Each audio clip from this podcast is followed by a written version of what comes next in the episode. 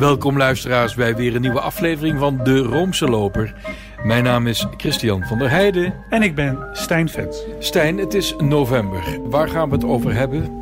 Ik neem aan, stel ik zo voor, Asia Bibi, want daar hebben we het de vorige keer over gehad. Ja, en die is vrijgelaten, is er vrijgesproken, moet ik zeggen. Van, uh, dus die ontloopt de doodstraf. En we moeten het natuurlijk ook even hebben over 11 november, is de dag van Sint Maarten. Juist. Asia Bibi. We hebben de vorige keer geroepen Free Asia Bibi. Ze is dan wel vrijgesproken, maar voordat ze echt kan genieten van haar vrijheid, daar gaat nog wel even overheen. We hebben hier te maken met een 54-jarige katholieke vrouw, die, die, verschrikkelijk is behandeld door uh, moslimfundamentalisten, die nu om haar dood uh, schreeuwen. Ja. Dat is werkelijk vreselijk. Nu heeft D66 samen met het CDA, SGP doet ook mee, opgeroepen om haar een soort asiel te verlenen. D66. Ja, toch de partij die ik de afgelopen jaren niet of nauwelijks heb kunnen betrappen op enig begrip, op enige kennis eigenlijk of inzicht in het fenomeen religie. Als je het hebt over Asia Bibi is het in de Nederlandse politiek toch eigenlijk ook wel stilgebleven met uitzondering van de ChristenUnie, Joel Voordewind en een organisatie als uh, Open Doors. Daarbij komt dus dat aanbod van D66, of die oproep, hè, om haar een plaats te geven in het zogenaamde Shelter Cities uh, programma. Toch een beetje als een verrassing. Maar ja, ik, ik, ben daar wel voor. Ik vind als die vrouw na acht jaar. Nee, volgens mij heeft ze acht jaar in de dodencel gezeten. Laat haar komen. Maar kan jij herinneren dat D66 het ernstig voor haar heeft opgenomen?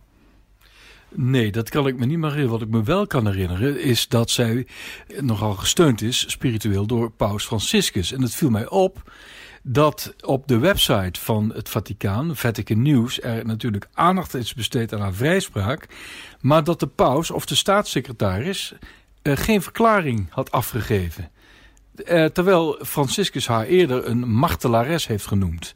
Wat zou daarvan de oorzaak zijn? Zou het misschien zo kunnen zijn dat de, het Vaticaan door stille diplomatie heeft bijgedragen aan uh, verbetering van de situatie van Asia Bibi of Asia Bibi. Ik weet, eigenlijk niet wat je moet zeggen. En nu, nu haar uh, doodvonnis is vernietigd en ze op een geheime locatie verblijft op, in afwachting van haar officiële vrijlating. Misschien dat het Vaticaan zegt, we houden even ons mond, maar misschien krijgt ze wel een plek in het Vaticaan. Ja, en het, het, kan misschien ook, ook zo zijn dat, dat het Vaticaan uh, zich ernstig zorgen maakt op het lot van, van, van alle christenen in Pakistan. Want die hebben het niet bepaald makkelijk. Maar dat zou toch wat zijn als ze inderdaad met haar familie ingezetenen worden van Vaticaanstad. Dat gun je haar. Dat gun ik haar eerder dan een kort verblijf hier in Nederland. In Nederland, kijk, in, wij zijn in Nederland gastvrij, maar het moet wel allemaal binnen binnen de, binnen de lijntjes, binnen de kaders. En deze paus gaat naar Lesbos, naar een vluchtelingenkamp, en komt gewoon met twaalf vluchtelingen terug. Dus als ik uh, was, zou ik toch voor het Vaticaan kiezen. Wij kennen allebei het Vaticaan goed. Het is daar rustig. Je, hebt, je kan in die tuinen wandelen. Ja, ze weten ook nog eens wat katholicisme is. Wat ik trouwens heel indrukwekkend vond, dat was uh, dat haar man voor haar een rozenkrans van de paus had meegenomen. En, en die mocht zij uh, gebruiken in haar dodencel. Dus uh, die hele familie van Asia Bibi en Franciscus, die hebben, die hebben samen wat. Het lijkt mij eigenlijk in de lijn van de verwachting liggen dat uh, jij, als je weer eens een keer naar Rome gaat, misschien wel in jouw favoriete restaurant Asia Bibi tegen het lijf gaat lopen. Dat zou wat zijn. En de vraag is natuurlijk toch, want we zien nog steeds die beelden op televisies van die woedende fundamentalistische moslims die nog steeds willen dat de ACBB in het openbaar wordt opgehangen. En ik wil toch even citeren uit Trouw. Een van mijn favoriete columnisten van de krant, Eindeld Mulder, heeft al eerder over Bibi geschreven en schrijft er uh, deze week weer over. Ik citeer. Het extremisme zal na deze vrijspraak niet zomaar wegsmelten. Eerst maar eens kijken hoe de straatprotesten in Pakistan zich ontwikkelen. De lente moet nog komen, maar die prachtige ene zwaluw van afgelopen woensdag biedt toch hoop.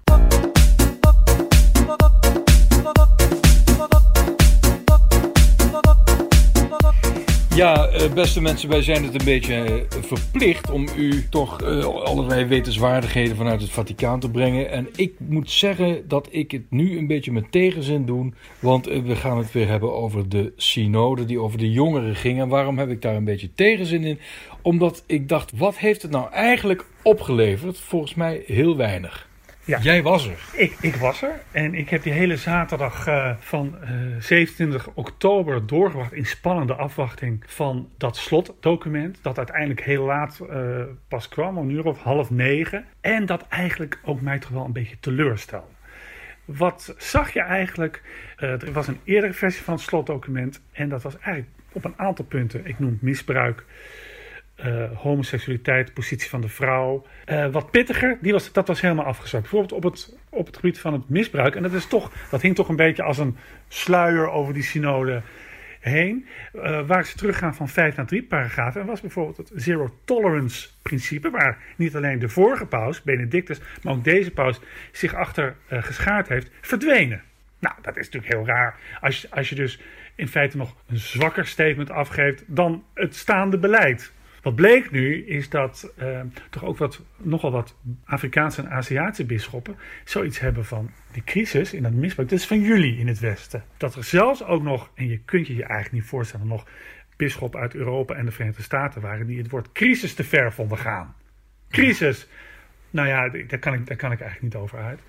En wat ook meespeelde was dat, ze de, dat de synode, die topconferentie over misbruik, die in februari in het Vaticaan uh, wordt gehouden, uh, niet voor de voeten willen lopen. Maar toch, alles bij elkaar, was het drie weken ruim drie weken lang praten over jongeren. Ik vond dat het een beetje alle kanten uitging. Het ging van vrouwenhandel naar het digitale tijdperk, naar, naar catechese-programma's. Het ging een beetje alle kanten op. Dan is het ook logisch dat, er, dat zo'n slotdocument een beetje zwak was, een beetje soft. Ook al omdat veel bisschoppen, dat was heel raar, veel bisschoppen noemden het de boeiendste synode die ze ooit hadden meegemaakt. Ik bedoel, veteranen als aartsbisschop Christoph Schönborn van Wenen, de aartsbisschop van Manila, Takle. Uh, Trouwens, Takle, die heb ik op het dak van, de, van het generalaat van de Jezuïeten zien dansen.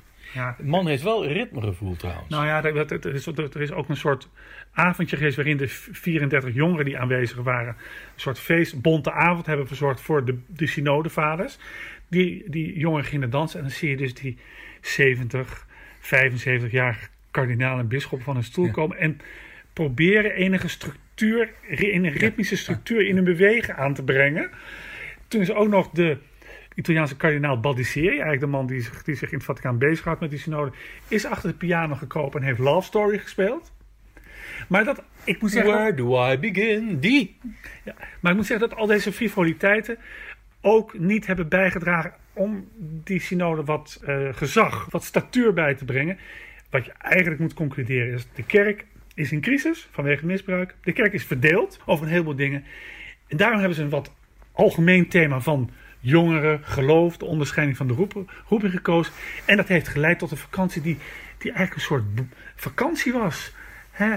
Uh, de paus had het ook in zijn slot waarbij synode over een, een spatio protetto, dus een, een, een beveiligde ruimte, waarin die synodevaars los van het rumoer in de buitenwereld, van iedereen die op de muren klopt van we willen aandacht of we willen stemrecht, vrouwen, rustig hebben kunnen filosoferen, brainstormen over hoe, ze, hoe de jongeren meer bij de kerk betrokken kunnen worden. En hoe jongeren die niets van de kerk te, met de kerk te maken willen hebben, überhaupt uh, ja, hoe zeggen, zeggen, verleid kunnen worden. Iets, zich, iets, zich in het katholicisme te gaan verdiepen. Ja, eigenlijk een synode als een vluchtheuvel. En dan moet je niet verbaasd zijn dat het slotdocument uh, een beetje tegenviel. Laatste opmerking, en daar schrok ik eigenlijk wel van. We leven in 2018. Wat bleek, het slotdocument, het concept was alleen in het Italiaans verkrijgbaar. Dus het merendeel van die bisschoppen daar, hè, die, die enige stemrecht hebben, het is tenslotte een bisschoppensynode, uh, die spreken wel Italiaans, maar een deel ook niet. Dus uh, een deel van de, dus een niet onaanzienlijk aantal bisschoppen heeft voor iets gestemd dat ze eigenlijk niet helemaal goed konden begrijpen. Ik begreep dat de, voor, de, de grote man in, in het Vaticaan als het om de synode, synode gaat, uh, secretaris-generaal Baldisseri, die dat, was, in, was dan geconfronteerd met het feit dat het zo slecht ging met de Engelse vertaling. En die schijnt in wanhoop te hebben uitgeroepen: Ja, wat wil je dan? Dat we het in het Latijn doen? Ja. Um, ik denk wel eens, dit, ik heb het slot nu meegemaakt. Wil je nou werkelijk, hè, dat het woord synodaliteit is gevallen, hè, dus dat, dat is dus samen op weg naar elkaar luisteren en samen beslissingen nemen. Daar is die bisschoppensynode natuurlijk niet geschikt voor. Dus misschien moeten we wel toe naar een soort nieuw instituut, een nieuwe instantie, waarin werkelijk heel veel, heel veel eh, leek, vrouwen, jongeren, bisschoppen, priesters over de problemen van de kerk kunnen praten. En uh, moeten die bisschoppensynode misschien even parkeren.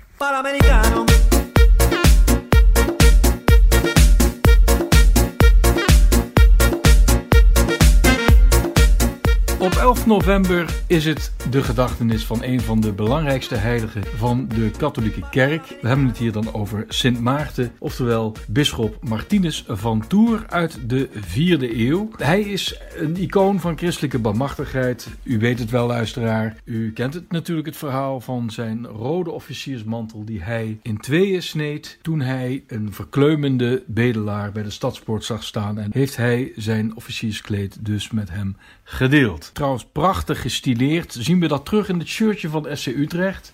We zien daar ook uh, de helft van het shirtje is rood. Aan de andere kant van de diagonaal is wit. Dat staat op het stadswapen ook van Utrecht. Want Sint Maarten is de stadspatroon van Utrecht. Maar Stijn, jij woont in Utrecht. Waarom is hij eigenlijk patroon van Utrecht? Uh, nou, dat dat komt zo. En dat, ik, ik, heb dit natuurlijk, ik heb daar natuurlijk even onderzoek voor gedaan. De legende is dat Willibord persoonlijk in de 7e eeuw op de plek waar nu het Domplein is, een kerk heeft gesticht die aan Sint Maarten gewijd was. En de huidige domkerk, die er nog staat, is ook gewijd aan Sint Maarten. Sint Maarten is natuurlijk van de hele wereld en van de hele katholieke kerk. Maar ik heb het idee dat nergens dat feest zo uitbundig wordt gevierd als in Utrecht zelf. De vlaggen hangen uit, de stadsvlag hangt uit, op, op, last van de burgemeester. En kinderen ja, gaan langs de deuren met dat beroemde liedje Sint Maarten, Sint Maarten, de koeien hebben staarten. Nou, die kinderen hebben natuurlijk geen idee uh, wat en wie Sint Maarten is. Maar in mijn uh, parochiekerk, de Dominicuskerk in Utrecht, werd altijd wel het, het verhaal verhaal van Martinez uitgebeeld. Nou, die kerk kan door het jaar heen niet rekenen op heel veel belangstelling. Maar met Sint Maarten zit de hele buurt toch in de katholieke kerk. En krijgt dat verhaal van de heilige Martinez te horen. En vervolgens gaan die kinderen langs de deuren, bellen aan. En ja, dan moet je wel iets in huis hebben, anders sta je zo voor... Uh, voor gek. Ik ben natuurlijk met mijn kinderen veel langs de deur gegaan. En dan zag je dus, kwam je, kwam je langs een huis. En dan zag je een wat oude echtpaar in een stoel zitten die naar lekker naar de wereld door aan het kijken waren. En dat gezang hoorden. En dan zag je de man tegen de vrouw zeggen: Oh god, we hebben niks in huis. En dan toch aanbellen. En dan toch tonen zij de barmhartigheid die Martinez van Tour ons getoond heeft. En halen ze uit een of andere la nog wat marsjes waarvan de houdbaarheid al lang verlopen was. Sint Maarten is vooral bekend om zijn uh, in tweeën gesneden mantel. Dit was trouwens al vrij snel in de jaren na zijn dood een reliek geworden. Die uh, reliek werd bewaard op een speciale plaats in, in Tours, de Franse stad waar hij dus bisschop uh, werd jij kent het uh, natuurlijk, want je hebt ook Latijn gehad. Het, uh, het, het, het Latijnse woord voor mantel. Ja, jij zegt het me nu voor, maar kan je het wat harder voor zeggen? uh, sorry. Kappa. Ja, natuurlijk. Ja. ja nou, nou, en als je, en als je namelijk een, een kappa doormidden snijdt, ja. dan is de mantel kleiner geworden. Ja. Dus wat, wat is dus een kleine mantel, oftewel een manteltje? Cappuccino.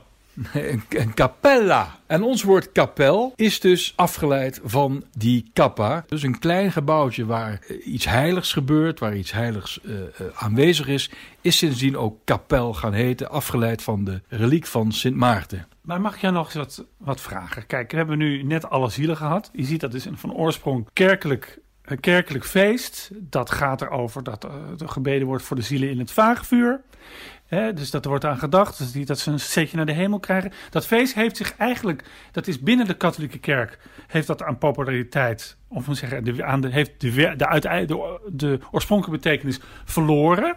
En daarnaast heeft dat feest wel een aan populariteit gewonnen buiten de kerk. Je, hebt, ja, je had eh, in het Vondelpark had je alles hier, je hebt op de Nieuwe Ooster begraafplaats. Dat geldt in zekere zin ook voor het feest van de heilige Martinus voor Sint Maarten. Zeker, ja. dus, dus je ziet dat, dat die feesten blijven wel, maar die, worden eigenlijk van de katholieke kerk geleend zonder recht te doen aan de oorspronkelijke betekenis. Moeten, wij, moeten wij daar nou, nou een, beetje, een beetje geïrriteerd over zijn of juist niet? Nee, juist niet. Want dat is nou wat cultuur is.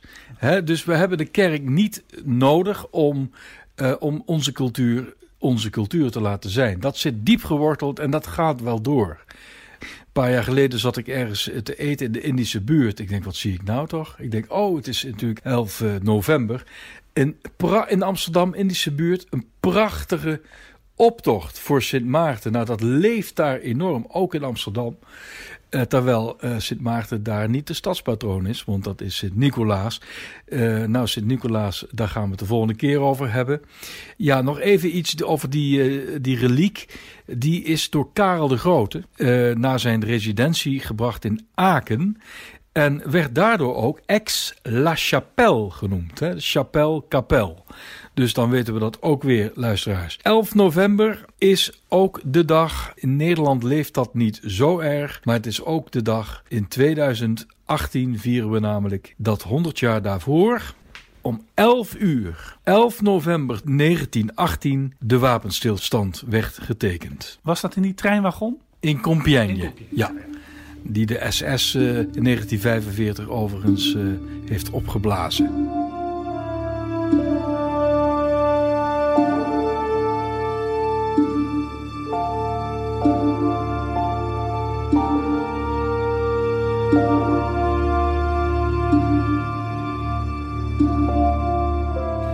Ja, het blijft nog steeds onvoorstelbaar dat, dat twee grote christelijke culturen in, in Duitsland en in Frankrijk zo met elkaar altijd hebben gewedijverd om de hegemonie in Europa. En in de Eerste Wereldoorlog, ja, men is juichend die oorlog ingegaan en het was de hel op aarde. En eh, uitgerekend op de dag van Sint Maarten is toen uh, de wapenstilstand afgekondigd. Later is de Vrede van Versailles in 1919 getekend. Nou, dat was weer een opmaat voor de Tweede Wereldoorlog. Wat een ellende, wat een ellende. Ik zeg het al, in Nederland leeft het veel minder dan in België. En vooral in Vlaanderen leeft het uh, enorm. Dus daarom willen we deze podcast uh, afsluiten met een gedicht van Gaston Bursens.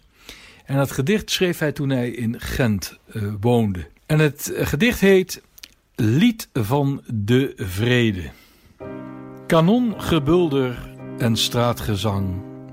In een vuile stadsregen fiets ik door de straten. Helder in het licht van de schitterende uitstalramen gelaten. Doe ik onverpoost mijn fietsschel gaan. En kronkel ik tussen soldaten, bourgeois en parvenus, onder glimmende paraplu's, als uitgespreide vlerken van vledermuizen, tegen de gevels van de huizen, in de halve duisternis, mat van het regenwalmen, slaan de golvende galmen uit het tumult van de vrede vierende stad. De grote markt, onder Bengalese verlichting van de kathedraaltoren en de elektrische lampions van het kiosk, getemperd door neteldoekenregen, speelt de muziek van het tweede lanciers, Marseillaisen en Brabantsonnes, meegezongen met verwrongen mond door een oude patriot, naast me met groen omrande brokkeltanden. O, de psyche van dat volk te voelen in de regenavond. Hoor het juichen, hoor het joelen en klapperen van de natte vlaggen langs de gevels. De nooit rustende psyche van dat volk staat bloot en massaal als een grazende koe, die maalt en herkoudt nooit moe, de wijde wij verslinden poot voor poot. De oproerige psyche van dat volk hangt boven en in de stad, maar in de zijsteeg die ik binnen zwenk en waar het ruikt naar ammoniak, komen de kreten verdoven en zit het weer in zijn dagelijks pak. Mijn schel blijft rustig en ik word door de laatste straten gewiegd op het stille druipen van de regen, hitteverdrijvende betting op deze straten en het monotone ruisen van de ketting. Afijn, Stijn, dit gaat nou zo nog even door. Moet ik doorgaan? Het Nou, duurt wel lang, hè? Ik, ik wou zeggen, eh Gaston Bursens is een, wel een man die een verhaal weet te vertellen. Ja, het mooie. En dat speelt zich allemaal af in, in, in Hent. Hè? De, de, de, de Vlamingen zeggen niet, niet Gent, maar Hent. Ja, dus uh, ik zou zeggen, ga even naar het einde van het gedicht. Oké. Ja. Voor me ligt de landelijke weg, niet zichtbaar in de zwarte korenlanden, niet hoorbaar in het vreedzaam ruisen van de regen. Mijn hand die scheld haakt soms in de doornen van een heg. Ik voel de weg, geleid door het licht, als uit de duimpjes sprook, onder de tinnen van een verwijderd dorpskasteel. Het is leeg, het is goed is niets hier niet zoveel, zoveel en schellens fiets ik de vrede binnen. Ja, mooi hè, maar ook tragisch, want die vrede was eigenlijk maar heel kortstondig. En dan moet ik nog even wat zeggen over onze zomerserie. Oh god, heb jij Elsbeth Gruteke eindelijk nu uh, gereserveerd? Sorry Elsbeth, uh, gevraagd of ze alsjeblieft... Nog niet, maar het staat hoog op mijn to-do-lijstje. Maar ik moet ook wel zo eerlijk zijn dat op de redactie van de Ramsloper de zomerserie inmiddels de bijnaam de Noord-Zuidlijn heeft gekregen. Daarvan kan ik het volgende zeggen. Die heeft een lieve duit gekost. Het heeft een aardig tijdje geduurd, maar het resultaat mag er zijn, dus we houden vol. En, en komt ze? Ik moet er nog even bellen. Oké.